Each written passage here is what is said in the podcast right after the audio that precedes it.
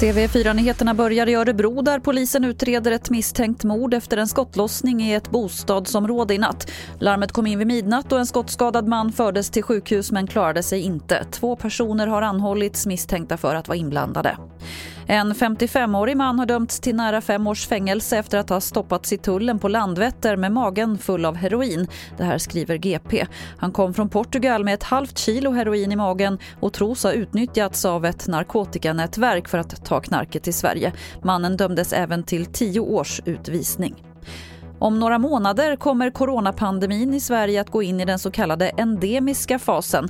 Det säger Folkhälsomyndigheten till Svenska Dagbladet. Att pandemin övergår i endemi innebär att smittutbrott bara sker sporadiskt i begränsade delar av befolkningen. Storbritannien och Israel befinner sig i den endemiska fasen.